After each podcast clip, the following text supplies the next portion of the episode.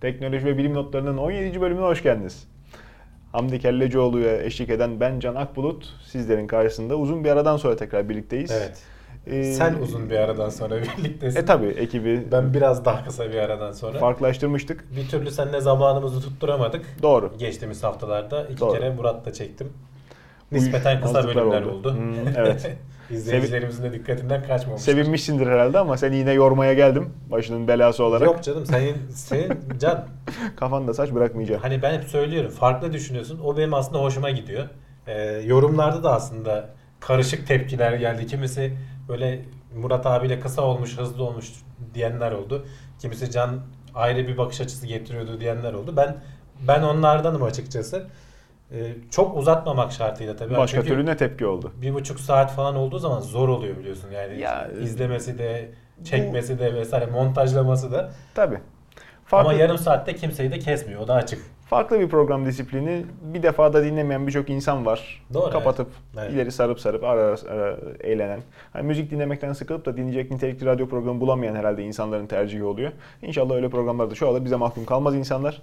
Ama e, sevenleri biz yine doyurmaya çalışalım Evet. dilimiz döndüğünce.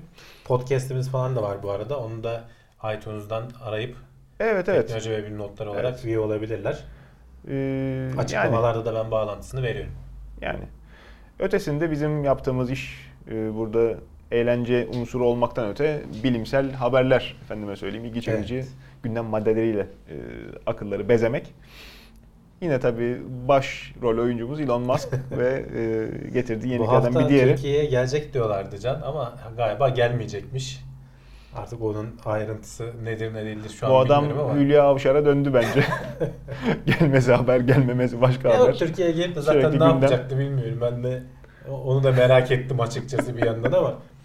Neyse bizim haberimiz asıl bu SpaceX e, severlerin uzun zamandır beklediği onların biliyorsun e, Falcon 9'un bir daha büyüğü Falcon Heavy Hmm. e, roketinin fırlatılması bekleniyor. Falcon 9'dan 3 tane içeriyor içinde. Kalın Ve senenin Falcon. sonlarına diyorlardı ama Kasım ayı içinde denmişti. E Kasım ayına girdik ama tabii ki SpaceX'in adetindendir bir ertelemeler geldi. İşte diyoruz ya her defasında Elon Musk'ın olayı şimdi birçok insan benim e, tamamen e, duygusal sebeple e, muhalefet yaptığımı işte maksadımın tamamen e, karalama kampanyası olduğunu düşünüyor. Baktığı zaman tabloya ama birazcık sürekli takip ettikleri zaman sık sık yineliyorum. Bu adam yaptığı birçok şeyi ilk defa yapan değil. En güzel duyuran, en güzel reklamını yapan. Evet. E, şimdi teknolojik yenilikleri buna mal etmemek lazım. Yani benim uzmanlık alanım olduğu için özellikle otomotiv konusunda tepkimi çekti. Çünkü insanların bakışı farklı. Yo işte icat etti, şunu yaptı, bunu yaptı. Bundan daha iyi yapacaklar da var sırada bekliyorlar. En çok sesi çıkan bu. Uzay Ama e, işte bak onun önemli olduğunu da görmüş oluyorsun. bu yani bambaşka sayede. bak bu bambaşka bir şey ve harika yapıyorlar bunu gerçekten. hı.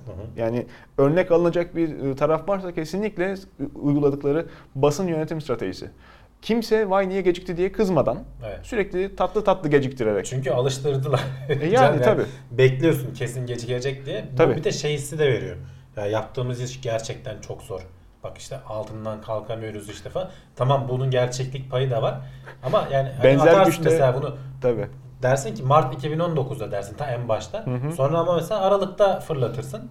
Bak erkene bile aldık dersin mesela. O da bir strateji. Ama Rekabet yok adamın karşısında. genelde e, şey oluyor. Gecikme Tabii. şeklinde oluyor. Benzer güçte bir propaganda organı olsa tefe koyar, alay eder. İnsanların da bakış açısı değiştir. Diğerlerinin de var da sonuçta şey yapmıyorlar. Pısırık O kadar kalıyorlar. yapmıyorlar. Evet. Böyle agresif değiller. O yüzden işte en çok sesi e, çıkan dostumuz e, dünyanın mucit açığını kapatmak üzere yeniden Yalnız bu sefer gündemde. gecikmesinin nedenlerinden biri de Can e, fırlatma rampası her zaman kendi kullandıkları NASA'dan kiraladıkları rampayı kullanamıyorlar sanırım bu roketin yapısı itibariyle ağırlığı falan itibariyle. bir hayli büyük bir şey doğru. Ee, NASA'dan işte bir başka rampalar ki- kiralayacaklar. Orada yapacaklar. Onlar da doluymuş. Evet. Ee, bazı bakımlardan vesaire geçmeleri gerekiyormuş.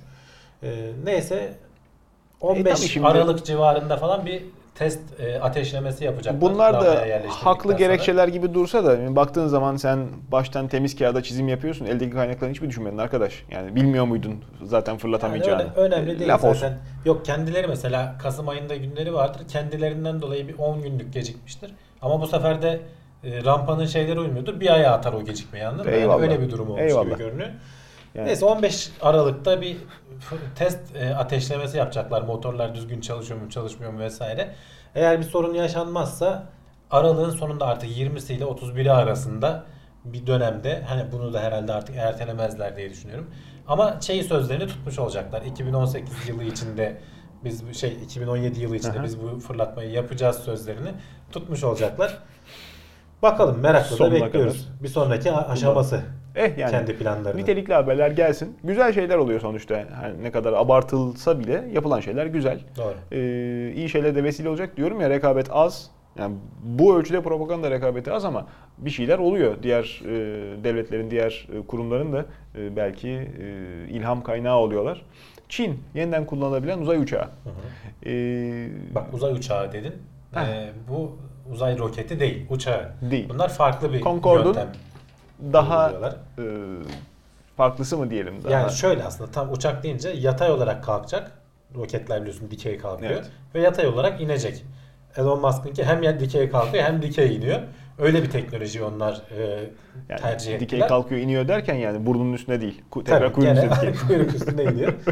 Ee, Çin farklı bir yöntem deneyecek. Böylece daha ucuzlatmayı e, şey yapıyorlar. Biraz aslında Amerika'da bunu zamanında kullanmıştım. Uzay mekikleri biliyorsun dikey kalkıyordu roketin üstünde ama inişleri yataydı. Uçak gibi iniyorlardı. Ee, onun devamı gelmedi Amerika tarafından ama Çin gizlilikle de tutuyor. Uzun süredir üzerlerinde çalışıyorlarmış. Geçenlerde açıklama yaptılar. Biz 2020'de bunu kullanmayı düşünüyoruz diye. Şimdi abi e, burada e, benim sormak istediğim birkaç soru var. Belki hani bunun muhatabı birbirimiz değiliz ama e, fikir e, değiş tokuşu yapalım. Arkadaşlarla da fırtınaya iştirak ederlerse yorum faslında e, bir küçük e, şey olmuş olsun. e, bilgi havuzu olmuş olsun. E, bu hızlı seyahat fantazisi bildiğim kadarıyla çok yeni değil. E, 1970'lerin kaçıydı? 75 mi? 70 küsurda Concorde çıktı işte. Hı. E, süpersonik yolcu uçağı. E, belli sebeplerden dolayı Concorde'dan vazgeçildi. Bugün artık süpersonik bir şey kullanılmıyor. Bu roketlerin hepsi zaten ses hızını aşıyorlar. Aynı şeyi tekrar mı yapıyoruz? Çünkü bak bildiğim kadarıyla hani takip edip öğrenmeye çalıştığım kadarıyla Concorde'un yürümemesinin birkaç sebebi vardı. Birincisi taşıdığı yolcu sayısının hani uçuş maliyetine oranı çok yüksekti. Hı hı. Yani çok e, şey kalıyordu. E, düşük kapasiteli kalıyordu. İkincisi stratosfer civarında uçtuğu için Şimdi normal yolcu uçakları daha düşük irtifada seyrediyorlar. E, Çıtayı yükselterek Concorde'a hiç rakip çıkmadı. Hı hı. Ama şimdi işte birkaç firma birden çalışıyor bu alanda. E, uçaklar birdenbire yeni standart bu olup da stratosfer seviyesine çıkınca ozon tabakasına verdikleri zarar çok daha büyük ölçüde olacak galiba. Bilemiyorum. İşte uzmanlar bu konuda e, fikir beyan ettikleri için proje sonlandırılmıştı. Yani sebeplerden bir tanesi de buydu. O yüzden çok rekabet olmadı. Ekonomik açıdan sorun olmasa onu kimse umursamazdı ben sana Ya, söyleyeyim yani. Sonuçta bu da bir kalem. Doğru söylüyorsun. Etkisi az da olsa akılda bulundurulması lazım. Üçüncüsü de bunlar süpersonik. Ses hızını aşıyorlar. Ses hızını aşarken de çok küçük bir e, nüans var. Sonic boom. Şimdi e, Concorde hep okyanus üzerinde uçtu. Hı hı. Yani Amerika'da bir başından bir başına uçamadı. Avrupa üzerinde sefer yapamadı. Çünkü evlerin olduğu yerde Sonic Camları patlatınca cam diyorsun. çerçeve iniyordu tabii. Bu adamlar bunu nasıl aşacak? Var mı proje? Valla şu anda onlar yok. Zaten çözülmesi gereken daha ciddi şeyler var. Ama o senin dediğin SpaceX'in ulaşım için söylediği e, projeye benziyor. Bunların derdi öyle insanları bir yerden bir yere taşımak değil. Ya en nihayetinde Çin'in açtıkları derdi, yoldan gidileceği e, şey belli. Uyduları vesaireyi falan veya işte Mars'a Hmm. Ay'a insan götürürken veya bir şeyler taşırken nasıl ucuzlatabiliriz? Tekrar tekrar roketleri çünkü bir kere yaptıktan sonra yok etmek çok pahalıya geliyor. E. Sıfırdan bir daha üretiyorsun. Tabii. Ee, işte SpaceX onu dikey indirerek maliyetleri düşürdü. Ee, Çinliler de biz uçak gibi yapalım diyorlar ve ekibi üzerinde birkaç tane motor var. Önce mesela yerden yatay kalkabilmek için uçak motoru kullanıyor.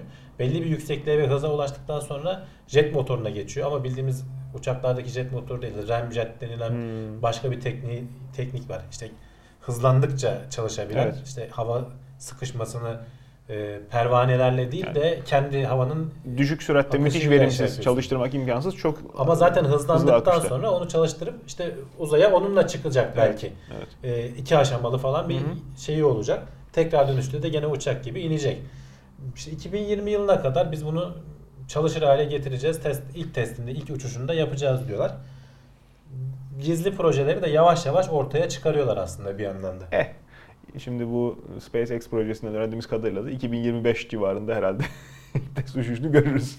Ertelene ertelene. İyi bakalım. Öbür tarafta bilim adamları gerçekten işinin başında laboratuvarda çalışan bilim adamları e, bizi yeni buluşlarla şaşırtıyorlar. Güneş sistemi dışından gelen yıldızlar arası bir cisimcik. Bu Evet, sefer konumuz. asteroid, göktaşı. Aha. Ee, Ama bir hayli uzun yoldan gelmiş. evet, yani bunların olduğunu tahmin ediyorduk ama hiçbirini şimdiye kadar E, gözlemlememiştik. tabii. Bizim gözlemlediğimiz göktaşları, kuyruklu yıldızlar vesaire hepsi kendi güneş sistemimizin içinde olan şeyler. Hı hı. Güneş sistemi derken de işte o Plüton'un ve onun İşte. ötesindeki e, büyük kaya parçalarını vesaireyi de hani gezegenimsileri de cüce gezegenleri falan da içine katarak söylüyorum. E, kendi gezegeni şey güneş sistemimizden fırlayıp giden göktaşlarını görmüştük daha önce işte bu Jüpiter'in yanından geçerken bozuluyor yörüngesi. Hmm. E, seni güneşin etkisinden koparacak kadar fırlatabiliyor bir taraflara. Evet.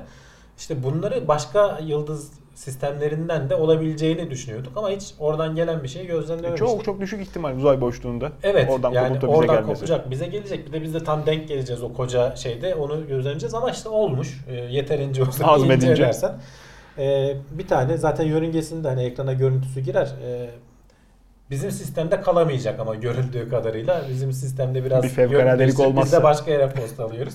Çok büyük bir şey de değil ama ilk defa işte yıldızlar arası bir cisim güneş sisteminden geçerken Vallahi şahane. tespit etmiş oluyoruz yani. Vallahi şahane. Haber değeri var mı? Var. Bakalım yeni bir element e, ihtiva ediyor mu? Herhalde onları da ilerleyen aşamalarda elle tutup incelediğimiz safhaya ulaşırsak. Yani öyle kolay kolay göreceğiz. gidip de almadan etmeden incelemek pek mümkün değil onları. Uzay Parça alman lazım yani. işte hayal gücü ufkunu öteye taşıyabilen bir şey. Düşündüğün zaman hakikaten dünyanın e, sınırının e, koyduğu çerçevelerin ne kadar ağır ne kadar Hı hı. baskın olduğunu insan hissediveriyor. Öte yandan kozmik ışınlar Evet. Şimdi araştırma teknikleri, e, kullanılan yöntemler geliştikçe dünyada da hiç olmadığı kadar çok şeyi, burnumuzun dibindeki şeyleri yeniden keşfetmeye başlıyoruz. Büyük piramit.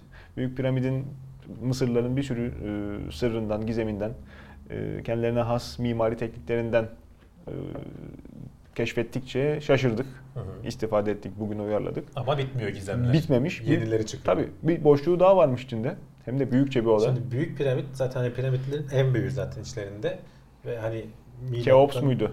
Milattan önce En 2560 büyüğü, yılında mı ne yapılmış yani.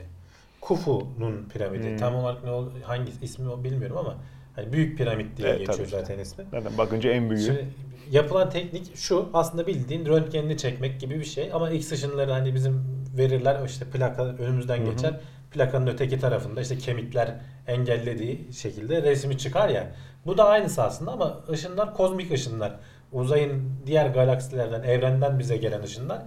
Ee, bunlar dünyanın atmosferinde zaten diğer şeylere çarpıyorlar. Ee, atomlara çarpıp atom altı parçacıklar oluşturabiliyorlar. Bunlardan mü- müyonları tespit edebilecek bir yöntem. Aslında aynı. Plakaları yerleştiriyorlar stratejik yerlere, e, piramitlerde ve piramidin genelinde zaten ortasında bir yerlerde böyle çok parçacık geçtiğini görüyorsun. Ya burada bir boşluk var diyorsun. Bayağı az da değil yani şimdi tam boyutunu hatırlayamayacağım ama böyle 15 metreye 50 metre falan gibi bayağı kocaman bir boşluk. Malzemeden çalmışlar. ve buraya gidecek bir yol. Bak malzemeden çalmışlar onu unutma. Onu da söyleyeceğim. Ee, buraya gidebilecek bir yol da yok. Yani izole bir odacık Hı hı. var içinde gibi görünüyor şu an. Tabii daha ayrıntılı testler, ölçümler yapılması lazım. Sonrasında belki küçük bir delik açarak, kazarak gidemeyeceksin tabii zarar vermemek için. Ee, belki o delikten bir robot e, işte yürüyecek, uçacak bir şey salarak içeriye ne var ne yok bakılabilecek. Tabii. İçinde bir şey var mı onu da bilmiyoruz. 3000 yıllık zehirli gaz mı var artık ne çıkartacaklar? Şimdi malzemeden çalarak dedin sebebi şu olabilir diyorlar. Yapının ağırlığını azaltmak için içeride boşluk bırakmış olabilirler. Yani sonuçta biliyorsun Tabii, kocaman tabii. bir e, şey. Hatta hep ilginç bir istatistik var şeyle ilgili bu büyük piramitle ilgili. E, yapıldıktan sonra 3800 yıl boyunca insanoğlunun yaptığı en uzun bina olarak kalıyor. Evet. Ondan sonra 1300'lü En yıllara yüksek kadar bina daha doğrusu. En uzun Evet, değil de. en yüksek bina olarak kalıyor. E tabi ve taşları döşediğin için işte üst üste e, çok ağır zeminin taşıması vesairesi Tabii, falan. tabii. İşte onu belki hafifletmek için içinde böyle bir boşluk bırakmış olabilirler. Yani binanın kendini taşımasından ziyade zeminin binayı taşıması. Evet, evet. O boyutlarda çalışınca o da önemli. Yani Vallahi- bilmiyorum. Gerçi hani sonuçta oradaki o kadarcık boşluk bunun için yeterli mi? O da bence bende bir soru işareti bıraktı. Sebebini bilmiyoruz ama kesin sınırlarından emin olduktan sonra daha ayrıntılı ölçümler alıp dediğim gibi bir kenarından küçük bir delik açılarak işte içinden robot gönderebilecek kadar ne var ne yok gizemleri çıkacaktır ortaya. Çok enteresan mimari örnekler. Şimdi bakınca sadece hani piramit e, zaten ismi de e, çok enteresan. Piramit ortasında ateş olan demek. Hmm. O formun e, bir şeyleri daha taze tuttuğuna dair bir takım batıl söylemler var. Hı hı. Eski e, tıbba dayanıyor o piramit şekli. İşte içindeki merkezindeki ölüyü, mumyayı daha uzun süre diri tutsun diye o şekil. Hı hı. Yani işte bununla alakalı Yoksa geometrik olarak en stabili olduğundan değil diyorsun ya. dini inançlar bunlar dini tapınak olduğu için zaten tercih edilmiş. en stabil olması. Yani onu diyorum Evet. yani sonuçta 3800 yıl hatta işte 4000 yıla yakın zamandır ayakta duruyor. E işte E başka bir şey Azmedip- yapsam bu kadar durur muydu acaba? tabi azmedip e, tersten dik üçgende yapabilirlerdi. Ha, işte onu durdurması zor. Asıl onu yapan başarılı bence. O, e, hakikaten bünyesinde bir sürü enteresan şey var, e, Evet. oyuncak var. İşte Lahit'e giden yolları kapatıyorlar, tek yönlü kilitliyor hırsızlığa karşı çünkü daha evvel bir sürü e, acı tecrübe yaşanmış. E, adamların bilmem kaç bin yıl muhafaza olsun diye yaptıkları Pek de bir şey yaramamış odasına. ama yani hani onların hepsi E, günümüz modern çağlarına bile Bugüne kadar ama işe yaramış. Çoğu hatta e, Firavun'un kendisinin bile şeyi kayıp. Acaba onun içinde olabilir mi diyorlar. Olabilir. E, ne denir? Malzemeleri, organları. Ya yok ha, cesedi kayıp yani yok yani. Eyvallah. Ya hırsızlar çaldı götürdü yok ettiler attılar bir yere. Çünkü binlerce yıl talana uğramış. Hani E, tabii, yeni tabii. yakın dönemde de değil. Eskiden de içine girip kazanç çokmuş. Şey çok enteresan gelmişti bana. Hani bu binanın bildiğim Mumyası, kadarıyla. Ha, şimdi geldi aklıma. e, işte mumyanın odasına bakan iki tane penceresi var. O e, lahitine. İki pencereden biri Anya'yı biri Konya'yı gösteriyor bakmışlar Hmm. İngilizler. Yani bu nedir diye. E, herhalde havalandırma demişler. Sonra işte bilim inkişaf edip de detaylı arayınca gün- e, yıldızların konumunun bizim güneş sistemi de hafiften kayıyor ya 3000 sene önceki pozisyonunda işte bir tanesi e, kutup yıldızının bir tanesi 7 kandili Süreyya'ya gösteriyordu yanlış hatırlamıyorsam. O pencerelerden onu görecek şekilde herifler e, yapmış o zamanın imkanıyla. Hani bayağı enteresan hala daha üzerinde e, kafa kurcalayan oyuncak bulunan binalar. E, bakalım. Dediğim gibi inşallah musibet bir şey çıkmaz. Zehirli gazmaz. Boşluk deyince. erimezler yani filmlerdeki gibi böyle E, bir işte toz fışkırır sonra erirsin ya. ondan sonra al başına belayı. Yani benzer durumlar var. Her alanda var. E, dünyanın ötesine geçince de devam ediyor insanoğlunun e, cin fikirlilikleri. E, kanunlar bunun için tabii etken. Evet. Uzayda koloni e, kurmaktan bahsediyoruz. Her geçen gün insan sayısı da artıyor. Özellikle. Mars'ta önümüzdeki işte. 10 yıl, 10 20 yıl içinde hadi insanlar gidecek diyelim. Nasıl olacak? Ne olacak? Hi- hizaya neyle sokacağız? Evet, yani bir suç işlenmesi durumunda vesaire falan kim sorumlusu olacak? Otorite kim olacak? Uzay Ceza Mahkemesi. Kim yaptırım yapacak? Yani bunlar- Kozmik Oda vardı. Onunla alakası olmaz değil mi? Yok. Ee, bunlar yani hani herkesin sorduğu sorular şu anda ve bir cevabı da yok Can. Ee, şimdi Birleşmiş Milletler bünyesinde yapılan anlaşmalar var. İşte mesela ay kimsenin değildir, kimsenin Hmm. olmayacak. İşte e, gidip de oradan böyle alan kapatayım falan muhabbetler satıyorlardı girmedi. arazi. Aslında dünya üzerinde bile olan şey de mesela Antarktika'da böyle bir E, durum tabii, söz konusu. Oraya herkes barışçıl amaçlı e, görev için istediği zaman gidebiliyor. E, kendi üssünü kurabiliyor. Kendi üssünde kendi kanunların geçerli oluyor. Her ülkenin kendi kanunu geçerli oluyor. Mars'ta da böyle olacak muhtemelen diyorlar. Ama Mars'ta şöyle bir problem var. E, aslında yasalarda mesela uluslararası yasalarda e, uzaydaki cisimler üzerinde madencilik yapmak da yasak.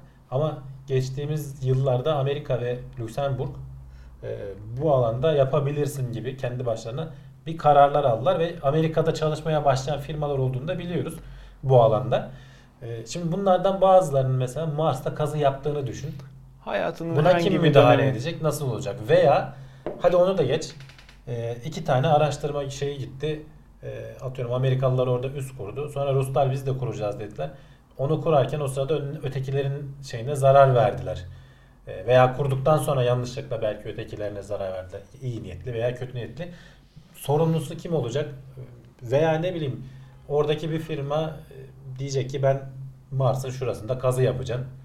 Kim engel olacak? Şuraya şey AVM yapacak? yapacağım şuraya. yani Nasıl olacak? Bunların Ağaç varmış incelemek üzere kesiyorum. Ya cevabı şimdi- yok Can. İlginç bir şey söylüyor yazıdaki anekdotta.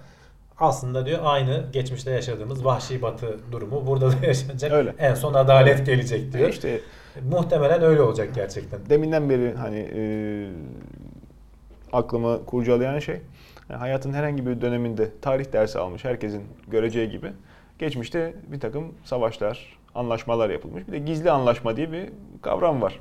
E, Gücü elinde bulunduranlar tebaaya bir şeyleri göstermek istiyorlar. O istedikleri şeyi gösteriyorlar ama yaptıkları şey her zaman gösterdikleriyle aynı olmayabiliyor. Doğru. Yani e, uzayda da bir denge sağlanacaksa muhtemelen savaşla beraber sağlanır. Hı hı. E, ilk Mars Savaşı bilmiyorum ne zaman olacak. Ondan sonra kurallar konmaya, sınırlar. sonuçları olacak bir savaş olur olursa da. E tabi. Yani tabi. da Dünyadakine benzemez yani. E, bilmiyorum abi. Onların yani. dünyaya yansıması olacak mı? Veya oraya gidenler e, burası biz artık ayrı koloniyiz mi diyecek? İşte Yani insanoğlunun hep tabiatı. şu an bilim kurgu gibi geliyor ama belki 20 yıl 30 yıl içinde Kendi ayağının üzerinde durmaya başlasın. başlayacak şeyler olacak. kendine yetmeye başlasın o zaman ciddi bir şey olur. Çünkü iletişim de biliyorsun. tabii. Dünyayla uzun sürüyor. Yani hani anlık konuşma gibi bir durumun yok. Yok yok. Yok tabi. O yüzden enteresan dinamikler ama insanoğlunun fıtratı her yerde aynı. Evet. O yüzden e, çok da hani yapacak bir şey yok sadece hani kafayı kurcalayan bir fikir. Doğru ki e, kanunları insanlar koyuyorlar. İsviçre'yi bilim adamları e, her zaman en sevdiğimiz reklam unsuru. Bu sefer ne yapmışlar? Batırmışlar mı ortalığı? Ya geçtiğimiz CERN'de hafta yok batırmışlar değil. Bir şeyi çözememişler. Ama aradıkları şey açık çok temel bir söylemişler. Şey. E, ya diyor bizim yaptığımız ölçümlere göre diyor evrenin var olmaması lazımdı diyor. hani bu sonuçlara göre nasıl oldu diyor. E, muhtemelen bir şey var da henüz daha çözemedik. E, olay da şu aslında büyük patlama zamanında e, madde ve antimadde biliyorsun bir araya geldikleri zaman enerjiye dönüşüyorlar. Doğru. Bu oluşuyor. E, eşit miktarlarda oluşuyor çünkü aslında ve birbirlerini yok ediyorlar. Ama evrenin o ilk başladığı büyük patlama anında ufak bir asimetri olmuş. Simetri bozulması olmuş. Hı hı. Simetrinin bozulması diye geçiyor zaten e, bilimsel kaynaklarda da. Ve madde tarafına çok küçük de olsa işler değişmiş ki bizim evrenimiz şu anda var olabiliyor. Yani antimadde daha az, madde biraz daha fazla var ki madde Biz oluşabilmiş. maddeyiz, Yani tabii. evet. E, çünkü şu an hani oluşturabildiğimiz lab- laboratuvar ortamında vesaire falan da oluşturabildiğimiz aynı hani dalgaları düşün. Böyle hafif fazla kaydığı zaman birinin tepesi birinin çukuruna denk geldiği zaman birbirlerini sönümlüyorlar. Öyle. İşte madde ile antimadde de aynen birebir böyleler ama ufak bir fark olması lazım ki aralarında. CERN'deki araştırmacıların çıkış noktası bu. E, bu asimetrinin oluşması lazım ki işte evrenin en başında bunu olmuş olması lazım. Biz varız yani şu anda. Gel gör ki keş- gözlemler. Evet tespit edemedik diyorlar ama şimdi sonuçta tespit etmeye çalıştıkları şeyler çok küçük değerler, çok ufak şeyler. Ee, antimaddeyi oluşturup e, hiçbir şeyle irtibata girmeden tutmak bile çok zor. Bunlar da okumuş adamlar. 400 günden Artı fazla eksi hatası boyunca- yapacak adamlar değiller. Değil. Dört işlemden. Antimaddeyi 400 günden fazla boyunca e, hiçbir şeyle etkileşime girmeden işte belli manyetik alanların içinde tutmayı da başarmışlar. Öyle ölçümlerini yapmışlar. Hani muazzam aslında başarı elde etmişler ama bir şeye ulaşamadık diyor. Yani şu an ulaştığımız sonuçta evrenin var olmaması lazım. Tabii bunu gazeteciler hemen bu başlıkla aldılar. Tabii. İşte evren var olmaması lazımdı aslında falan diye. Yokmuşuz biz meğer her şeyi Hani söylenen şey çok abuk subuk bir şey değil. Evet bir şeyi Ya. bulamadık.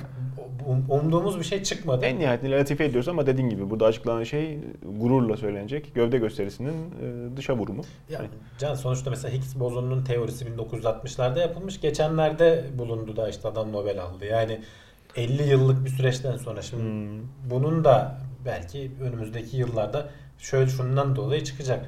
Veya işte kütle çekimsel dalgalar. Habire şimdi diyoruz ya ne güzel yeni bir ufuk açıldı falan Öyle ama mi? bunun 50 yıl önce yapılmış işte 60'ların sonunda başlanmış teorilerine de e, hatta Einstein'ın öngörüleri vesaire falan var. Ta daha da ondan daha önce.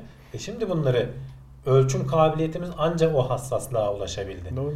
E şimdi bununla ilgili de ölçüm kabiliyetimiz yarın belki daha iyi olacak ve ha ya fark şuymuş veya şundan dolayı başka bir teori gelecek. Şundan dolayıymış diyeceğiz. Şu an için henüz öyle bir şey bulamadık. Bu haber aslında onu söylüyor sadece. Ya işin e, dediğim gibi e, muazzam gelişme. Öbür tarafından da bakarsak bu tarz iyileştirmeler genelde işte kapitalist düzenin güdümüyle olan çalışmalardan fırsat buldukça yapılabilen haller. Yani bizim insanoğlunun refah seviyesi belki de 50 yıl sonra ilk defa bu kadar bu alanda çalışma gösterecek Evet, düzeye evet. ulaştı da. Onun, onun da kesinlikle etkisi Yoksa var. 50 yıldır bunun üzerinde çalışılıyor da anca yapıldı değil. Yani refah seviyesi öyle. Bilgi birikimi de öyle. Sonuçta E, tabii. bazı şeylerin de birikmesi lazım. Tabii. İletişim sistemi çok gelişti. Teknoloji de yani sadece bu alanda bilgi biriktirmen de değil. Başka alanlarda biriktirdiğin bilgi yarın bir gün geliyor bu alanda sana bir alet üretebilmene Muhakkak, olanak sağlıyor. muhakkak. Yani bütün medeniyet hani tek hep beraber yükselen bir şey. Orada kalmıyor işte bütün dünyaya yayılıyor. Biz de nasibimizi alıyoruz. Nasibimizi almaktan öte biz de katkımızı koyuyoruz. Evet. Türk bilim adamları bu sefer İsviçreli değil. Ee, tomografi sıkça kullanılan bir tıbbi yöntem. Radyasyon içerdiğinden dolayı insanlar sıkılıyorlardı, mütereddit kalıyorlardı Evet. yaptırsalar mı yaptırmasalar mı. Onun Vallahi radyasyonsuzunu Türkler hiç tereddütte değildi can. Dünyada Ha, üçüncüymüşüz. En çok radyasyon olan. oraları Ee, karıştırmasaydın iyiydi. oraları Yani karıştırmasaydın o- iyiydi. dur bir MR çektireyim, dur bir şey Yani. yaptırayım. Yani normalde tercih edilmez aslında. İşte mümkünse ya onunla o işlere girmeden hem pahalıdır hem işte radyasyon Olsun, olmuşken şey en iyisi olsun bizde. İşte şimdi Türk Patent ve Marka Kurumu'nun aslında uluslararası bir yarışması varmış. Orada birinci olan bir proje bu. Ee, gerçi bütün vücuda uygulanamıyor. Şu an için mesane görüntüleme için. Ee, bildiğimiz o tomografi cihazları gibi değil de yüzeysel elektrik verip de bir şekilde o görüntülemeyi yapıyorlar. Hem zarar vermiyor Hı hı. hem radyasyon içermiyor. Ee, bunun patentini de almışlar ve ticarileştirme aşamasına geçmişler. Şahane. Ee, konuşan adam bayağı şey umutlu konuşuyordu. Yani sonuçta dediğin gibi Türk bilim insanlarının da dünyaya katkı yaptığı alanlardan biri oldu. Allah oluyor işte. Daha çok popüler başlıklarla üzerinde ım, durduğumuz mevzu bu. Hani bizim insanlığa ne verip ne aldığımız. İşte bu hafta bir taraftan da hep o konuşuldu. Yerli otomobil, işte baba Ha, yiğitler elini taşın altına koydu da yapsınlar diye. Yani bu yerli otomobilden daha önemli bir şey aslında. Bakınca. Çünkü herkesin yaptığı bir şeyden ziyade yeni bir şey ortaya koyuyorsun. Yerli otomobilde. Bunun gibilerinin daha çok çıkması Evet evet işte. evet. Ama Ha- şöyle dolaylı olarak yerli otomobilde de eğer arge olacaksa belki Evet. bunun gibi şeyler Evet, çıkar. evet bravo. Demek istediğim şey o. Herkesin yaptığı şeyi bir tane de sen yerli yaptığın zaman o pek bir numarası olmuyor. Sen özgün bir şey yaptığın zaman Evet. seni sen yapan o zaten taklitçikten öte. Bunların hepsinin adım adım başlangıçtan itibaren gelişecek şeyler olduğundan Evet, dolayı. sıfırdan adım da bir şey önemli. üretemiyorsun zaten. E yani, bir tabii, yerden başlayıp tabii, taklit tabii. edeceksin. En güzel örneği hep işte uzak doğudaki ülkeler. E, öyle öyle. E, taklitle başlayıp Doğru. şimdi Çin nerelere geldi? Nasıl ne güzel telefonlar üretiyor. Yarışıyor yani herkesle. Tabii tabii. Ki işte yani şu an için e, at başı gider yerdeler. E, Batı medeniyetiyle Çin'in yaptığı ürünler. Çin öne geçip tek tük de olsa bir şeyleri kendisi icat edip artık liderliğe alma moduna gelmek üzere. Hı hı. Yani zaten kayışın koptuğu yerde orası olacak olursa. Yani bu Can hani liderliği alamasan bile mesela burada da o yerli otomobil sembolik bir şey. biraz Satış öyle. adedi falan değil. Bir defalık de bırak, bunu şey de şeydir. kendin üretiyorsan sonuçta dışarıya gitmeyen para oluyor. Eğer eşit Elbette, kalitede üretebiliyorsan. elbette. O da bir avantaj. E tabi tabi. Ama yani Üretip de satarsan zaten kaymaklı oluyor o zaman. Zaten iyice üstüne para kazanmış oluyorsun. Onlar hep e, şey, şimdi e, bir memleketin başarısıdır. Üretebildiği değerler. Değer üretmek. Otomobil diye bakmamak lazım yani. O tamam çok önemli ihtiyaç ama bunlar da değer. E, sportif başarılı, olimpiyat başarısı niçin önemlidir? Hani tutup para verip de Etiyoplu, Etiyopyalı'yı 3000 metre koşturup madalya almak değil. Senin bütün çocukların o Etiyopyalı gibi koşuyor demek o madalya aslında. Okullarda verdiğin spor, beden eğitimi, Doğru. dersleri o kadar başarılı. O demek. Dünya kupası aldığın zaman futbolda ha demek bu memleketteki futbolcu, futbol okulları sistem bu kadar güzelmiş ki para ödeyip aldığı adamlarla diye onu demek istiyorum. Hı hı. Değer ortaya koymak. O konuda da işte bir hayli açığımız vardı maalesef. İnşallah yavaş yavaş işte Kimisi popüler böyle herkesin diline pelesenk olacak şekilde yayılıyor. Kimisi de sessiz sedasız ama oluyor. Yavaş yavaş daha da çok olacak. İnşallah. Ee, Yani beni çok sevindiren haberlerden bir tanesi bu oldu yakın zamanda. Bir diğeri de çocuk felci hep çocukken televizyonlarda reklamlarını gördük ama şey olmadı artık pek. E, gündemden bir hayli uzun süredir düştü.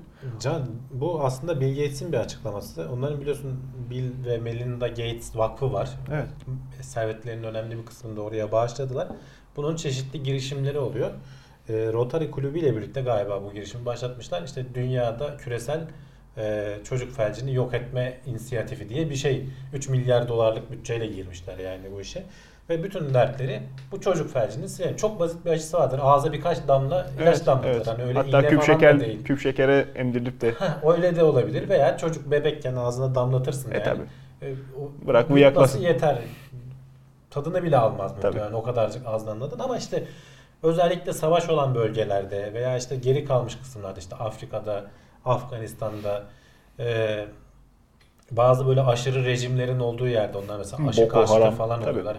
İşte Taliban'dı, Boko Haram'dı senin dediğin gibi.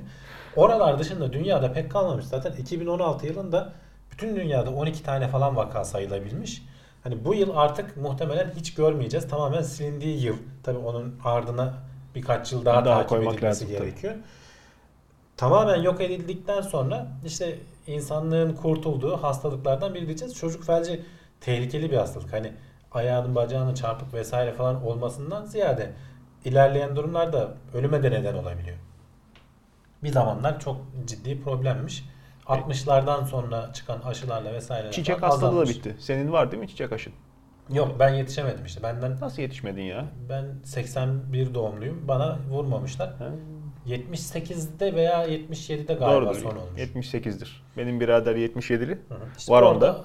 Son biraz bazı 80'lilerin de vurulduğu söyleniyor. Hmm. Hani haberin geç ulaştığı veya elimizde var vuralım gitsin mantığıyla mı vurmuşlar artık. İlaçlar ziyan olmasın. Ziyan olmasın. Ama genel olarak 77'den sonra falan Çok bitmiş. can alan hastalık. Çiçek. İşte, Bitti. işte aynı Bir yandan şekilde çocuk felci de öyle olacak gibi görünüyor.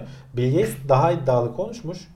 Diyor ki yaşam süremiz içinde diyor e, sıtmanın, e, AIDS'in yok olduğunu tamamen görebileceğiz diyor. Tüberkülozun çok çok daha az insanı etkilediğini göreceğiz diyor. E, ne bileyim çocukların daha iyi beslendiğini vesaireyi göreceğiz diyor. Bunlar güzel söylemler ama işte bir taraftan da tıbbın da kirli yüzü var. Hani ilaç endüstrisi çok çok ciddi paraların döndüğü ve insanların gözlerini karartıp ne pahasına olursa olsun hani o ihtiyaçlarının olduğu söylendiğinde alacakları şeyler. Hı hı. E, o yüzden de bazı ilaçlar tatlı. E, tedavisi eğer zengin hastalığıysa pek e, yok etmek değil de hani belki tedavisini sürdürme yoluna gittiler bugüne kadar. İşte ilaçlar onu şeyler. Acaba işte ondan mesela şimdi bundan artık para kazanan da kalmamıştır. Diyorum ya birkaç damlalık bir şey üretimi AIDS'ten vesairesi artık ölen kolay. fukara Afrikalı. E, tabii. Batı Ama top AIDS henüz daha tam anlamıyla hani bu kadar kolay çözülebilmiş bir şey değil. değil doğru söylüyorsun. Yarın bir gün Doğru teknoloji söylüyorsun. yeterince bak bu nedir 1960'larda aşısı çıkmış. Ya. E yani 50 yıl olmuş. Doğru. E yarın bir gün AIDS için de işte aynı şey. Belki daha hızlı olacak işte. Bill Gates o bakımdan e, umutlu konuşuyor. Evet. Sıtma aynı şekilde. Yani pek çok Doğru. ülkede hani bizim buralarda falan çok sorun olmuyor ama özellikle ekvatordaki Hı hı. o bölgedeki ülkelerde çok basit yöntemlerle de yani aşı bile değil. Bebeklere işte cibinlik kullanmayı öğretiyorsun adamlara. Ya bunu kullan diyorsun. Tabii. Çocuk gece gelip ısırmıyorsun işte. Tabii, Bu bile tabii. çok ciddi anlamda düşürüyormuş. E, Cibinlik oranı. kullanacaksın. Peki. ya biz kendi kendimize zarar vermenin e, önüne geçebilirsek e, inşallah e, güzel çalışmalarla beraber hastalıklar, şeyler, musibetler azalacak gibi duruyor. Bir taraftan savaşlar, e, işte tehdit insanoğlunun kendi bir taraftan da e, çevre kirliliği. Bulunduğumuz e, küreye attığımız her Evet. çöp, e, saldığımız her gaz geri dönüşünde Şimdi- yine bizim canımızdan alıyor. Can bu çok fark edilmiyor. Biliyor herkes ama böyle küçük küçük sağından solundan vesaire ara ara duyduğu için sonuçların ne kadar etkili olduğunu bilmiyorsun. Bu haberi o yüzden aldım özellikle. Çevre kirliliği derken buna hava kirliliği, suyun kirliliği, toprağın kirliliği her şeyi Hepsi katabilirsin. doğru. Yani Gürültü kirliliğini bile dahil etmek onu bile dahil Başımız edebilirsin. ağrıyor. Doğru. Ee, belki hani doğrudan seni öldürmez ama hayat kaliteni düşürüyor Yaşa- kesin. Tabii. İçindeki çocuğu öldürüyor.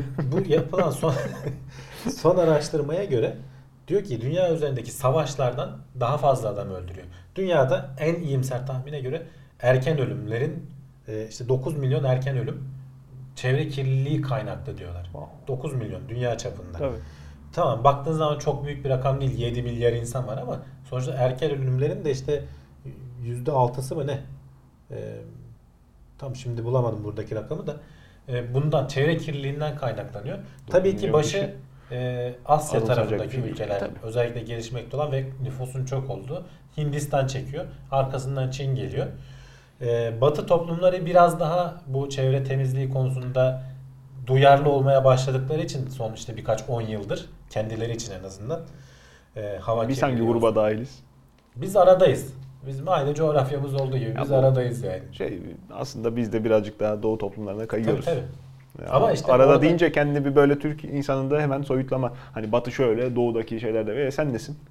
Sen de şimdi Yok Hindistan Çin kadar kötü değiliz. o yani. kadar kötü değiliz eyvallah ama bizde de hani çalışma yapılması bir hayli önemli, lazım. Hem e, yollarda çalışan eski arabalar hani Avrupa'da şimdi laf ediyoruz belki emisyonu kısmak için türlü maymunluk yapıyorlar diyoruz ama hani onlar e, kilometrede e, 100 gram karbon e, dioksitten işte 60 grama düşürmek için e, yırtınıyorlar biz burada. 1990 küsür model e, Doğanlar, Şahinler, Renault'lar hala e, faal Anadolu'da kullanılıyor. İnsanlar kömür yakıyorlar, İstanbul'da da yakıyorlar. Ucuz olduğu için mecburlar. E, kömür bulamayan hakikaten lastik yakıyor. E, yapıyorlar onu da. E, şimdi enteresan, bunu ben nerede duydum hatırlamıyorum ama e, öğrendikten sonra dikkat eder oldum. E, gün batımının güzelleşmesini sağlayan şey çöken gaz biraz da Doğru. denmişti işte. Yani onun sebebi şey aslında hani kısaca açıklayalım. Ee, güneş ışınlarının e, Tabii. yatay atmosfere girmesiyle mavi ışık özellikle atmosferdeki parçacıklar tarafından dağıtılıyor. Tabii. Gökyüzünün mavi görünmesinin Hı hı. sebebi de bir yandan bu. Kırmızı senin gözüne geliyor ve sen gün batımını ve doğumunu daha çok şey görüyorsun. Çok romantik. Ee, romantik görüyorsun. Partikül miktarı arttıkça da kırmızıya kayma oranı artıyor aslında. Evet, evet. İstanbul'da çok rahat gözlemleyebiliyoruz baktığımızda. Evet. Yani portakal gibi güneş bata- batmaya yakın. Yani e, içindeyiz. Hepimiz yoğun tempoda çalışıyoruz. E, yaşıyoruz. Çalışmayanlar da işte ya sınav stresi ya hangi okula gideceğim, evim nerede e, falan bu, bu tip dertlerle uğraşırken oturup da hani ben e, yaşama kalitemi arttırmak için nasıl bir yol izleyebilirim mi çoğu zaman düşünmeye fırsatımız kalmıyor. Dışarı çıkıp da baktığımız zaman anlıyoruz. Bir tatile gidiyor vesileyle şehir dışına çıkınca ah de- deniz havası, dağ havası ne güzelmiş Evet. diye veriyor insan. Halbuki normal o. Sen bak bir şey Senin söyledin havan az ne kadar kötü. Ee, ekonomik gelirleri yok işte o yüzden yakıyorlar vesaire dedin ama şimdi bak bu haberde ilginç bir şey söylüyor. Bu senin dediğin bahane e, hükümetler tarafından da çok kullanılıyor. İşte ya biz daha gelişimimizi tamamlayacağız fabrikalara Hmm. işte bu şartları getirirsek üretemeyiz vesaire falan gibi şeyler Doğru. söylüyorlar. Doğru. Ama hükümetler açısından bu geçerli değil. Çünkü bu erken ölen insanların ekonomiye yükü. Çünkü sen geliştirmişsin, beslemişsin, katkı sağlayacak yerde ölüyor. Çok daha fazla oluyor diyorlar. Bu yapılan araştırma burada bazı rakamlar da paylaşmışlar. Merak edenler baksın. Trilyonlarca dolar dünya ekonomisinden Hmm. E, bu ölen 9 milyon kişinin işte atıyorum 4.6 trilyon dolar mıydı? Öyle bir e, ekonomik kayba neden olduğunu e, ortaya Evet. çıkarıyor bu araştırma. Yani sen bu önlemleri almayarak aslında ekonomine katkıda bulunmuyorsun. Dolaylı yoldan farkında olmadan zarar da veriyorsun. Ama işte onu ölçmek için de Şey, kalifiye bakış ediyor. lazım. Basit. E İşte Ee, ama şeyde hükümetler gözükmüyor. bunun için var. Tabii. Ya bir de şey var Can ilginç mesela mesela Hindistan'da buradaki ilginç şeylerden biri onların bir e, bayramları varmış ve çok fazla işte çatapat, havai fişek falan atılıyormuş o bayramlarda. Doğru doğru. E, mahkeme kararıyla engellemişler yapmayın hava kirliliğine neden oluyor diye ama ona rağmen kimse dinlememiş. Sonrası günde bir tane resim de var o da ekrana girer. Sonrası ertesi gün atmosferdeki işte e, partikül miktarı Dünya Sağlık Organizasyonu'nun önerdiğinin 90 katına falan çıkıyor. Tabii tabii tabii. Hani tabii. bizim yaptığımız devletin dur yapmayın demesine rağmen yaptığımız şeyler de var. Burada da m, 90. yıl kutlaması mıydı Cumhuriyet'in kuruluşunun? 29 Ekim'de e, Boğaz Köprüsü'nden He. ateş yağdı. Şelale diye de, ya. ha, Ertesi Ateş gün şelalesi. ertesi gün e, yakın muhitlerde oturanlar hep partikül yağmıştı. E, Kir, pas, toz O içindeydiler. bir de işte o şeyin yanması bayağı pis yani. E hakikaten. tabi tabi. O barut diyelim artık neyse. Eskimiş motorlar yağ yakıyor. Hı. Kullanılıyor hala daha. Yani Yağ şimdi- yakmayı bırak işte o yağların sonra mesela direkt e, suya dökülmesi. Şimdi televizyonda kamu spotlarını falan görüyoruz. Yağ toplama merkezlerine getirin falan. Çünkü hakikaten bir litre yağ onlarca litre Pil. suyu kirletebiliyor. Kalem Su pil. kirliliği. Çok basit bir şey ama Pillerin sürekli harcanıyor. toplanması. Atılıyor çöpe gidiyor. Çok az insan dikkat ediyor. Hala daha. Aa, Yani işte sadece hava değil, olacak şeyler. su, Doğru, doğru. toprak. Bir yandan tabii ki hükümetlerin sanayi tesislerinin önlemini alması ayrı. Vatandaş olarak sen de yapabileceğin basit şeyler var. Şimdi söylediklerimiz. bakınca yani bir defadan bir şey olmaz hesabı çok küçük bir şeymiş gibi duruyor ama aslında e, yaşam kalitemizi kendi ellerimizle bozuyoruz. Evet. El birliğiyle herkes kapısının önünü süpürse daha güzel bir sokağımız olacak ama kimse yapmayınca İşte o şeye erişebilmen lazım. Olgunluğa, toplum olarak. bakalım İşte inşallah Batı alışıyoruz. toplumları biraz daha erişmiş oluyorlar. Ya ne bileyim insan kalitesinin, insan yaşamının kalitesinin, insan kalitesi de tabii arttırılsa güzel olur belki ama e, sihirli değnek lazım herhalde. İnsan yaşamının kalitesini arttırmanın bin bir Sihirli değnek değil. Bildiğin değnek lazım. sinirli değnek diyorsun. Sinirli değnek lazım. Peki, o pekmez akacak o zaman.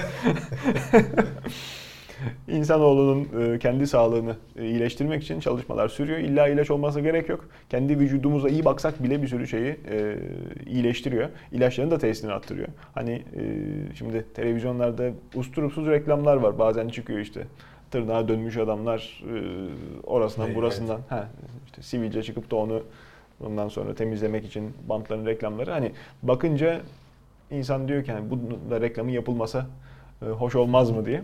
E, bağırsak aktivasyonunu arttırıcı e, yoğurdudur, ayranıdır, e, bir takım içecekler de sık sık televizyonlarda yer buluyor işte. Karnı ağrıyan, üzgün insanlar onu içince neşeleniyorlar. Bağırsak e, florası, bakteriler hakikaten insan yaşamını e, ciddi manada etki edebilen e, bizim mutualist yaşadığımız varlıklar. İçimizde bir hayvanat bahçesi e, bizim e, kirli işlerimizi yapıyor. Bir taraftan enteresan bir e, özellikleri keşfedilmiş kanser ilaçlarının tesirini bir hayli arttırabiliyorlarmış. Evet veya azaltabiliyorlar tam E tabi doğru. Yani Can bununla bağlantı olarak ben bu hafta bir de TED konuşmasına denk geldim. Ee, bir, böyle güzel bir ablamız bağırsak ne güzel bir şeydir diye anlatıyordu. Onu da izlesinler. Hakikaten aslında hiç ciddiye almadığımız bir organ ama vücudumuzdaki en önemli organlardan biri can. Ee, yüzey alanı bir kere derimizin 40 katı falan fazla ve yani içimizde bayağı dolaşan Evet. ee, bir organ işte 20 çeşit hormon salgılıyor.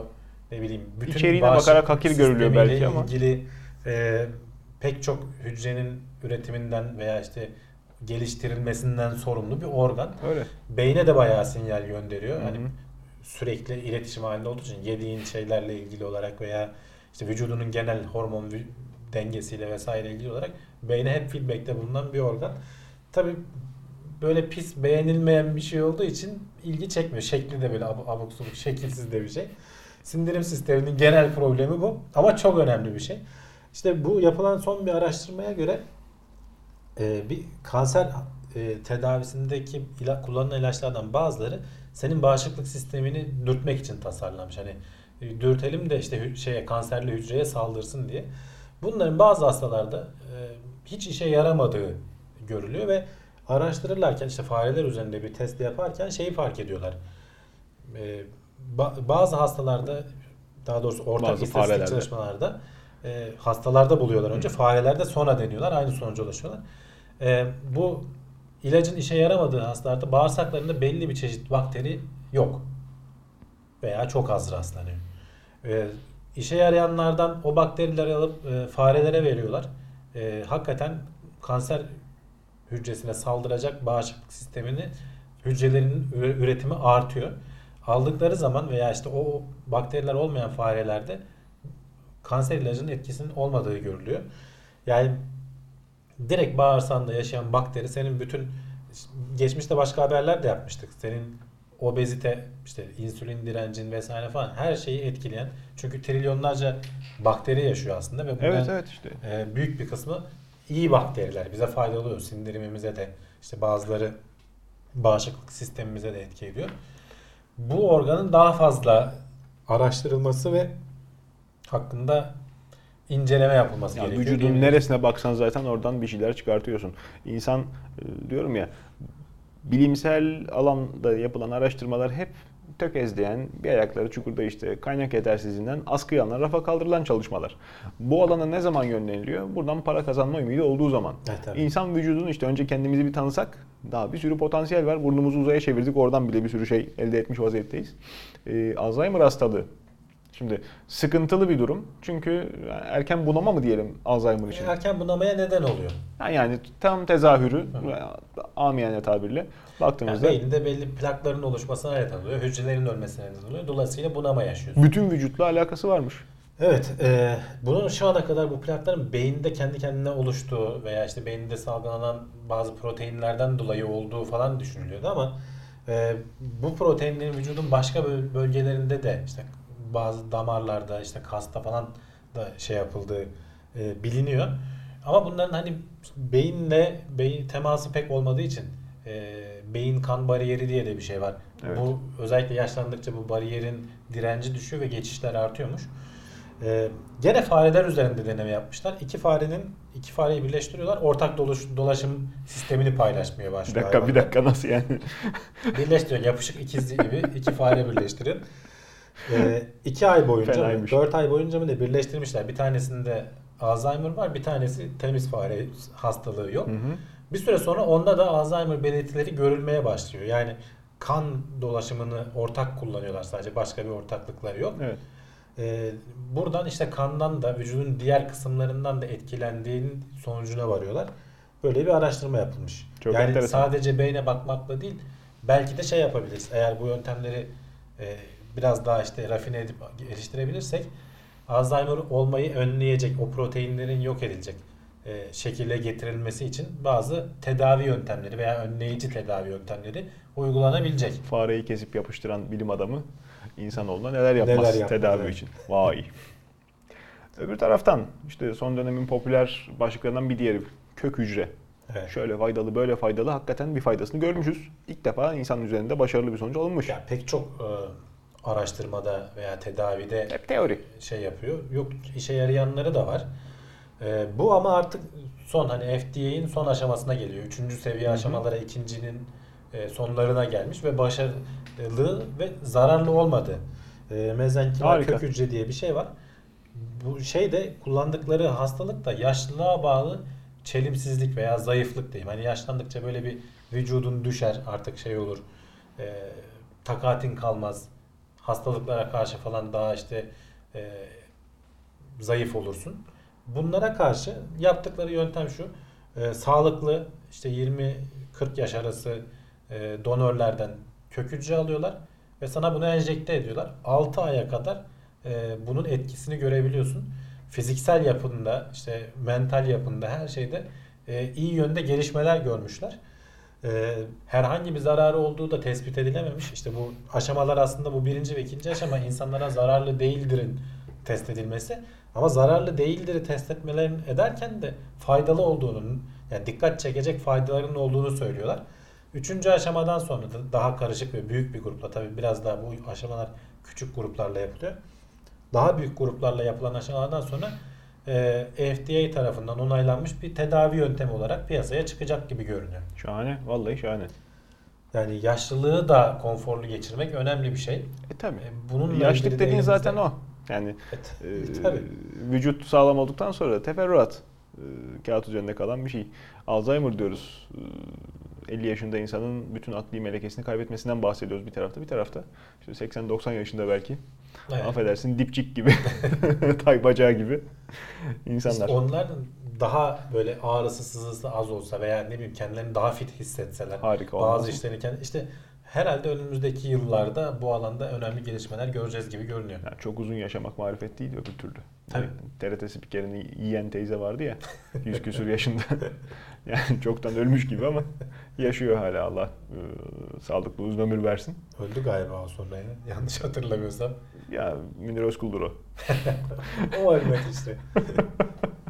Bunlar da popüler kültürün bizde bıraktığı zarar. İnşallah bunları temizlemenin bir yolu olur kendi kendimize e, verdiğimiz zarardan yakınırken çok e, cömertçe konuşuyoruz ama diğer canlılara da mı acaba böyle davranıyoruz diye bir çalışma var.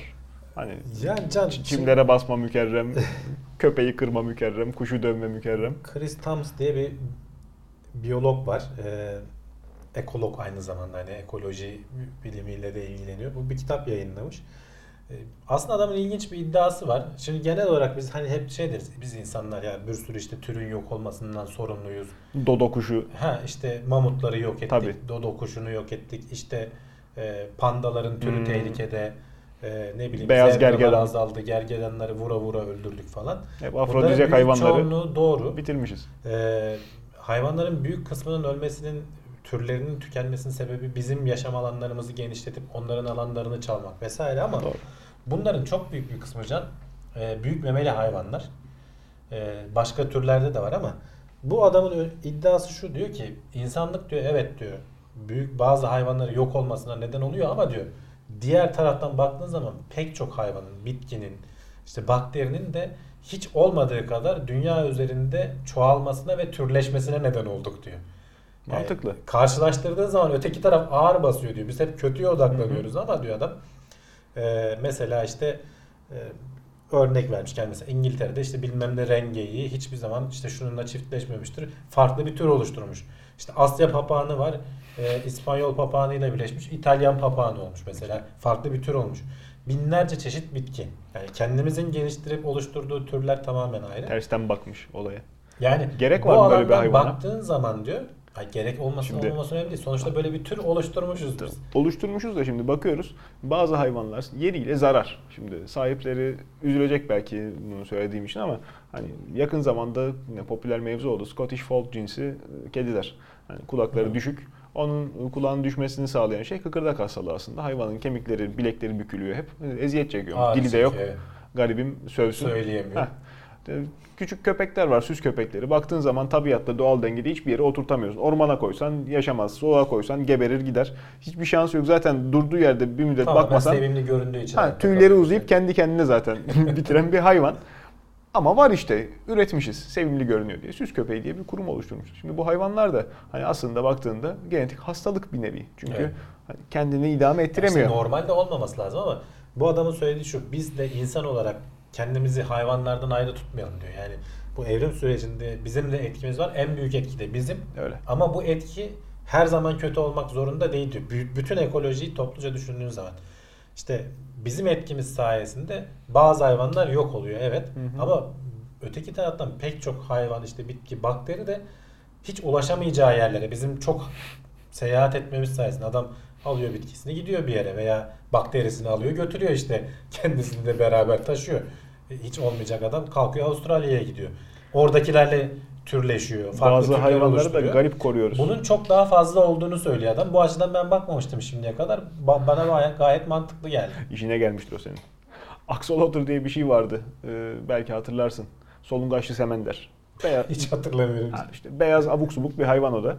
Ee, garibim Meksika'da yanlış hatırlamıyorsam bir gölette yaşıyormuş sadece. O göleti kurutmuşlar inşaat sebebiyle. Şimdi hayvanın doğal ortamı bittiği için koruyorlar türleri. Nerede? Akvaryumda. Evet. Dünya üzerinde sadece akvaryumda yaşayan tek hayvan an itibariyle. Yani Ya öyle, bu bize- öyle koruduklarımız da var. Dünya üzerinde hani şimdiye kadar geçmişten de biliyorsun sen. 5 büyük e, yok oluş yaşanmış. Hakikaten türlerin %90'ı yok olmuş. E, tabii. Yani hani bizim biz yapıyoruz da geçmişte dünyada da olmuş. İşte bir göktaşı çarpıyor. Çok büyük bir kısmı gidiyor. Evet. Ne bileyim bir buzul çağı geliyor. Önemli bir kısmı yok oluyor. %90 diyorum ya. Yani geri kalan %10'dan tekrar canlılık çıkıyor. Olabilir. Hani bu oluyor zaten. Oluyor. Yani bütün canlılığı bir yapı olarak düşünürsen herkes bir boşluğu dolduruyor. İşte bizim neden olduğumuz bazı şeyler iyi şeyler de var, kötü şeyler de var. Tabii ki yok olmasını istemez kimse o sevimli pandaların vesaire başka şeylerin ama Ama işte sevimli pandalar sevimsiz kertenkelenin, Evet, mikrobun, öyle. Ka- kakalağın da yok olmaması lazım. işte o sevimli Denge. kediyi çoğaltıyorsun yok olmasına Çoğaltıyorsun, köpeği çoğaltıyorsun. Kedi hadi En nankör mankör diyorsun ama türleştirdiğimiz hayvan da dünya üzerinde türü olan da hayvan da köpek. İşte Değil insanlar mi? sayesinde. tabii tabii. Bin çeşit farklı yapı şeyi var. İşte kendi kendine bıraktığın zaman yaşayamayacak kadarını bile yapmışız. Ama öbür taraftan hala köpekler tehdit olmaya devam ediyor. Düzgün eğitemezsen ciddi bir baş belası olabiliyorlar. ki günümüzde düzgün eğitemeyen o kadar çok insan var ki. Alıp sokağa atan filan. E şimdi o zaten başı başına çok ciddi bir dosya ya. Neyse. Ee, hayvanın en önemli e, kabiliyeti insan olan üstünlüğü koku. Evet. Burnu çok iyi çalışıyor.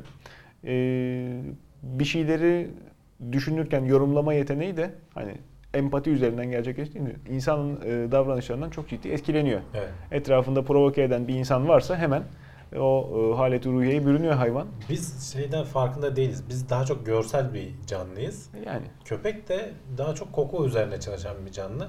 Zaten çoğu yerde de kullanıyoruz işte bomba bulan veya uyuşturucu bulan köpekten Doğru. tut da yani. Ben hep duyardım ama hani ya bu bir halk efsanesi derdim ama değilmiş işte. Korkunuzun kokusunu alabilir köpekler diye. E, hakikaten bununla ilgili araştırma yapılmış. İnsanlara böyle e, streslenecek, korkacak şeyler izletmişler. Ve sonra terlerinden örnek alıp köpeklere koklatmışlar. e, bu duyguyu köpekler de hissediyor. Yani e, işte kalp atışları hızlanıyor, hareketleri değişiyor. Bunu gözlemlemişler yani bilimsel test yaparak. Gerçekten de köpekler aynı zamanda muhtemelen mutlu olduğunun da ve zaten hani bizimle birlikte çok yaşayarak evrimleşen bir canlılar olduğu için bizim duygusal şeylerimizi direkt alıp şey yapabiliyorlar, kullanabiliyorlar. Köpekle paylaştığımız bir şeyler, e, tecrübeler genelde işte birkaç farklı etmenin bir arada sunulması, kokteyl halinde olduğu için gerçekten korkunun mu kokusunu alıyor veya yani korktuğumuzun kokudan mı anlıyor yoksa işte göz bebeklerimizin pozisyonundan, duruşumuzdan muhakkak hepsi birden Onu ama şey de ya, onu da sırf işte kokudan test bile. Ee, yüzüne bakarken doğrudan göz kontağı kuran hayvanın insanın tepkisi ne daha fazla tepki veriyorlar. Ama bakmıyorsa başka yere bakıyorsa da gene etkileniyor hayvanlar ondan. İlginç. Yani İlginç. Koku onlar için Bak. tabii daha önemli. Onu da takip ediyorum bir taraftan. Hala sonuç gelmedi. Esnemek bulaşıcı biliyorsun. Evet. Ha, onun da sebebi henüz ispat edilmedi. Merakla bekliyorum bakalım. Empati yeteneği aslında. Yani, Yani bütün bütün memeliler arasında yani esneyince böyle duruyor duruyor. Kedinin karşısında esniyorsun. Başlıyor. Kedi de esniyor Evet. tabii. Kontrollü denemişliğim var. İlginç. Ama tabii e, hep kediyle köpekle e, deniyoruz. Niye? Çünkü onlardan çok var. Bu kadar çok evcil kedinin köpeğin olması, bu kadar çok kedi videosunun olması dışında bir zararı var mı insanlığa acaba? Özellikle Can şimdi evinde besliyorsan o hayvanları bir yerden sonra çok sevmeye başlıyorsun. Ve filmlerde veya belki senin de kedin vardır. Böyle gelir yalar yani hayvanın çünkü iletişim kurma Canım teknolojisi bu. Vardı benim. bu yani. Belki dünyanın en aşağılık kedisiydi ama e, yakın zamanda kaybettik. Eski dostum Sezar. E, 14 senesini bizimle beraber geçirdi. Hakikaten bulduğumuzda diğer kardeşlerini büyük kediler yemişler. Kedi enteresan bir varlık. Bunun da gözleri açılmamıştı. Avuç içi kadardı. Kulak damlalığıyla besleyerek büyüttüğümüz günlerden işte artık bizi beğenmeyen, elini uzattığın zaman şamar atan, evde emekli ihtiyar e, geziyor gibi bir havası vardı. Ama ona rağmen seviyorduk. Onu bile sevmeyi başarmıştık belki. Evde beslenince hakikaten bakış açısı değişiyor. E, kaybettik. Yerine hemen başka bir kedi geldi ama bir 3 ay 4 ay E, e, tabii onun şey yerine yaşıyorsun. gelmesi olmadı. İşte onların o sevgi gösterileri köpeklerde de özellikle bu hani Amerikan filmlerinde geldi yüz böyle yüzünü yüzünü yalatanlar vesaire Evet. bilmiyorum bizim izleyicilerimiz arasında da vardır ama şimdi kedilerin de köpeklerin de ağızlarındaki ekosistem bizimkilere göre çok farklı. Ve insan için gerçekten zararlı olabilecek bakteriler Öyle. var. Bu yazıyı bir okusunlar. Ee, özellikle açık yaran varsa e, çünkü yüzünde veya derinin üstünde olması çok şey olmuyor, sıkıntı olmuyor. Orada kalıyor o bile çünkü. sıkıntı oluyor. Ee, ama açık yaradan mesela bulaşıp da kanına do- geçen e, kolunun bacağının kesilmesine kadar Evet. giden ciddi enfeksiyonlara neden oluyor. Ölümden dönerek yani hani kolunu bacağını vermekle kurtuluyorsun aslında. Ölümü görüp sıtmaya razı oluyorsun öyle söyleyeyim. Çok ciddi hani şeyler var.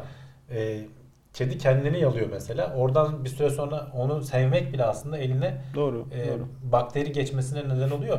Sen onu alıp ağzında götürürsen veya işte gözünü kaşırsan mesela bunlar sana ciddi anlamda zarar verebiliyorlar. Bunlara dikkat etmek lazım. E, uzmanların da aslında hani sevmeyecek değilsin tabii ki ama uzmanların Dondurmayı şey, paylaşan insan çok. Seviyorsun da işte. işte ağzında yara varsa mesela Tabii. Kan dolaşımında geçmiyorsa tamam veya Ben- bağışıklık sistemin yeterince güçlüyse tehlikeli olacak kadar değilse tamam. Dedim ama ya. yaşlıysan veya bebeksen riskli oluyor senin Belki de dünyanın en aşağılık kedisiydi diye. Abartmıyorum. Gerçekten çok kötü huylu bir hayvandı. Ee, bunun aşılanması için veterinere gitmesi, işte orada kontrol altında tutulması inanılmaz zor bir durum. İşte ben de o zaman işte yıllar oluyor. Ee, okulum nedeniyle bana değil, babama kalmış o görev. Ee, hayvanı götürüp de e, veterinerde aşılanacağı zaman e, tabii veteriner tutamıyor, yardımcı tutamıyor. Efendim siz hani hayvana müzahir olursanız diye onlar da görevi başlarından sağmışlar. E tabii aşı nedir? Kedinin pijamasını tutuyorsun, oraya batırıyorsun iğneyi cavvu diye. O coşkuyla hayvan babamı ısırmamış, sokmuş resmen elini.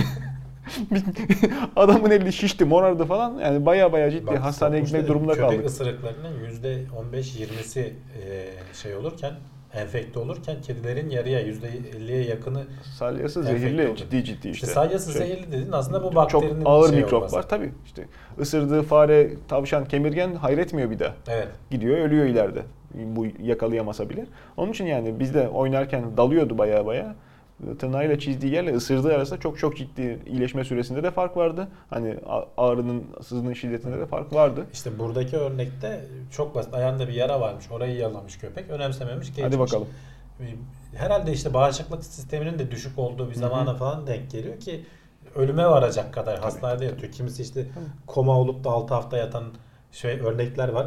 İlginç örnekler de var. Mesela bir evin çocuğu köpeği seviyor, elini yalatmayı seviyormuş. Hmm. Aynı elini kardeşine emdirmeyi de seviyormuş. Heh. Çocuk emsin diye ağzına sokmuş Fanteziye köpeğe. gel. İşte kö- çocuk direkt menenjit geçiriyor. Yani Yazık. özellikle işte hast şeylerde, hastalarda, bebeklerde, yaşlılarda yani bağışıklık sistemi henüz çok gelişkin olmayan bireylerde riskli. Sen kendin için de işte sevdikten sonra falan mümkünse elini yıkayacaksın. Mümkünse. Veya işte o bir püreldi vesaire falan bilmiyorum ne kadar etkili oluyor o tür Sen böyle şeyler. çivi çiviyi söker gibi o da ayrı zehir ya neyse. E yani. Durum bu. Yalamalı Yani emmeli bir haberin ardından bu seferki. sevimli hayvanlar ama yapıları bizden çok farklı. Hmm. Ee, sıkıntı olabiliyor işte onların bakterisi bize uymuyor. Böyle çok hayvan var. Iguana'nın da salyası aynı E şekilde. tabii, çok ama mikroplu. Bunlar işte en çok evimizde. Evde besleyince Yani. muhatap oluyorsun. Muhtemelen atınki de bize uymaz yani baksana işte. Ama kaç kişiye at ısırıyor ki şu dünyada. Yani. Neyse efendim dediğim gibi e, sevimsiz haberi sona saklamışız. E, siz siz olun dikkat edin e, evcil hayvanınız varsa veya çevrenizdeki insanların hayvanlarıyla muhatap olurken e, gardınızı düşürmeyin belli bir seviyeden aşağı. İlerleyen günlerde yine fırsat bulabildikçe e, Evet. iş temposundan günlük e, yaşamsal gailelerden e, biz bir araya gelip bu derlediğimiz haberleri sizlerle paylaşmaya devam edeceğiz. E, arada söyledim yine bir kere daha ricacı olayım ben. Aklınıza gelen buradan dinleyip de ilham aldığınız olur. Fikriniz olur. Sizin de paylaşmak istediğiniz bekliyoruz. Yorum faslında lütfen bizlerle paylaşın. Paylaşmayı da unutmasınlar videomuzu Can. Bir Ya, değil mi? var değil mi? Sosyal bir e, oluşum en nihayetinde. Evet. Sosyal medya hesaplarımız var. Onların paylaş butonları da var. E, biz söyleyelim. isteyenin bir yüzü, vermeyenin kaç yüzüydü? 200'ü. Sonraki programda görüşmek üzere. Şimdilik iyi akşamlar.